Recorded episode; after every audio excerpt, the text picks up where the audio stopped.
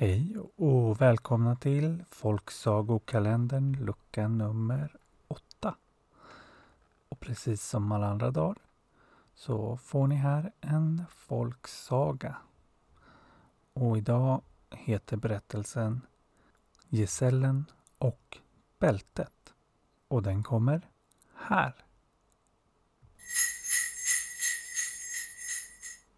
Det var en gång, för länge sedan, en smedjesäll från Småland som hade begett sig hela vägen till Norge för att jobba med en mästare där.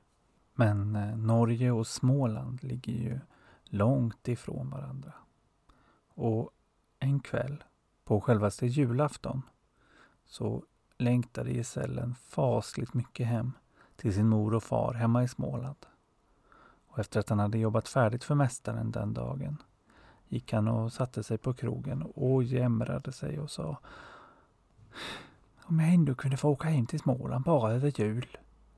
Och när han klev ut från krogen den mörka julaftonskvällen för att gå hem så stod där plötsligt en liten pojke som sa Var det det som vill åka till Småland? Och det ville han ju. Då sa pojken att han visste ett sätt som skulle kunna ta honom till Småland redan ikväll. Och det lät ju lite för bra för att vara sant. Men vad hade han att förlora? Tänkte gesällen, som dessutom fått i sig en och annan öl. Så han följde med den lilla pojken, som ledde honom ut i skogen, till en stuga. Och så sa pojken, inne här finns din väg till Småland. Och så klev de in och i stugan så låg en gammal, gammal man fastkedjad med en stor och tjock kedja vid ena väggen. Och det tyckte gesällen var lite konstigt. Men konstigare blev det. För den gamle mannen öppnade munnen och pratade småländska. Ja, så var det du som ville åka hem till Småland var det? Frågade han. Och gesällen sa att det ville han. Då plockade den gamle mannen fram ett bälte som han hade under kudden. Och Så sträckte han fram det mot gesällen och sa Då får du ta på dig bältet här så ska du snart vara tillbaka i Småland. Och gesällen tyckte att det lät lite väl otroligt. Inte kunde väl ett bälte ta en hela vägen till Småland. Men den lilla pojken sa Jo, det är helt säkert, det fungerar. Och gesällen hade ju inte så mycket att förlora. Han skulle förstås se ganska dum ut om han tog på sig det där bältet och inte kom någonstans.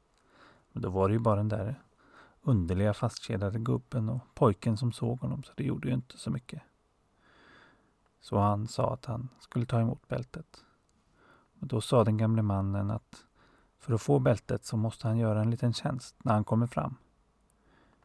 Mannen skulle se till så att bältet släppte av honom på en gård. Och på den gården, som låg nära hans föräldrars gård, så bodde det en gumma som hette Malin. Och när han kom fram så skulle han gå in och sätta bältet på Malin så hon skulle flyga till Norge. För den gamle mannen ville nämligen väldigt gärna träffa Malin. Så det lovade gesällen att han skulle göra. Och då sa den gamle mannen att det är nog bäst han lovar det för om han inte gör det så skulle han bli ordentligt olycklig. Och när han sa det så såg gesällen att den gamle mannen såg ganska så farlig ut. Fastän han låg där alldeles gammal och fastkedjad. Så han lovade än en gång att han skulle sätta bältet på mor Malin. Och så fick han bältet. Och så satte han på sig det och vips så var han inte i Norge längre. Utan han var i... Jo, han kände det direkt. På hur det såg ut och på dofterna och på ljuden. Han var i Småland. Alldeles utanför en gård. Och han förstod att det var mor Malins gård. Så han tog av sig bältet och gick och knackade på dörren. Och där öppnade en stor och frodig gumma och han frågade om hon var mor Malin. Och hon sa att hon var det. Men då blev gesällen lite blyg och istället för att sätta bältet runt mor Malin så sträckte han fram det och sa att han eh, hade fått det här av en gammal man som ville träffa henne och att hon skulle ta på sig bältet. Men då sa mor Malin att hon visste minsann exakt vad det där var för gubbe och hon skulle minsann inte träffa honom. Men då blev Gisellen lite rädd eftersom den gamle mannen hade sagt att han skulle bli olycklig om han inte höll sitt löfte. Så han sa till mor Malin att det nog var bäst om hon satte på sig bältet ändå. Och Malin såg att Gisellen var rädd och sa att det skulle han inte behöva vara. Och så sa hon att vi gör så här istället. Så gick hon ut på gården och satte bältet runt en stor tjock ek som stod där ute. Och vips så flög den iväg. Och så sa Malin att nu behöver varken du eller jag oroa oss över den där gubben mer. Det vill jag lova. För han får snart tillbaka sitt bälte med buller och bång. Och vad det var för gubbe och varför Malin inte ville träffa honom. Ja, det fick Gisellen aldrig veta. Men det gjorde inte så mycket.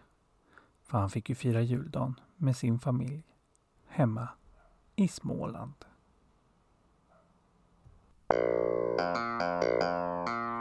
Ho, ho, ho.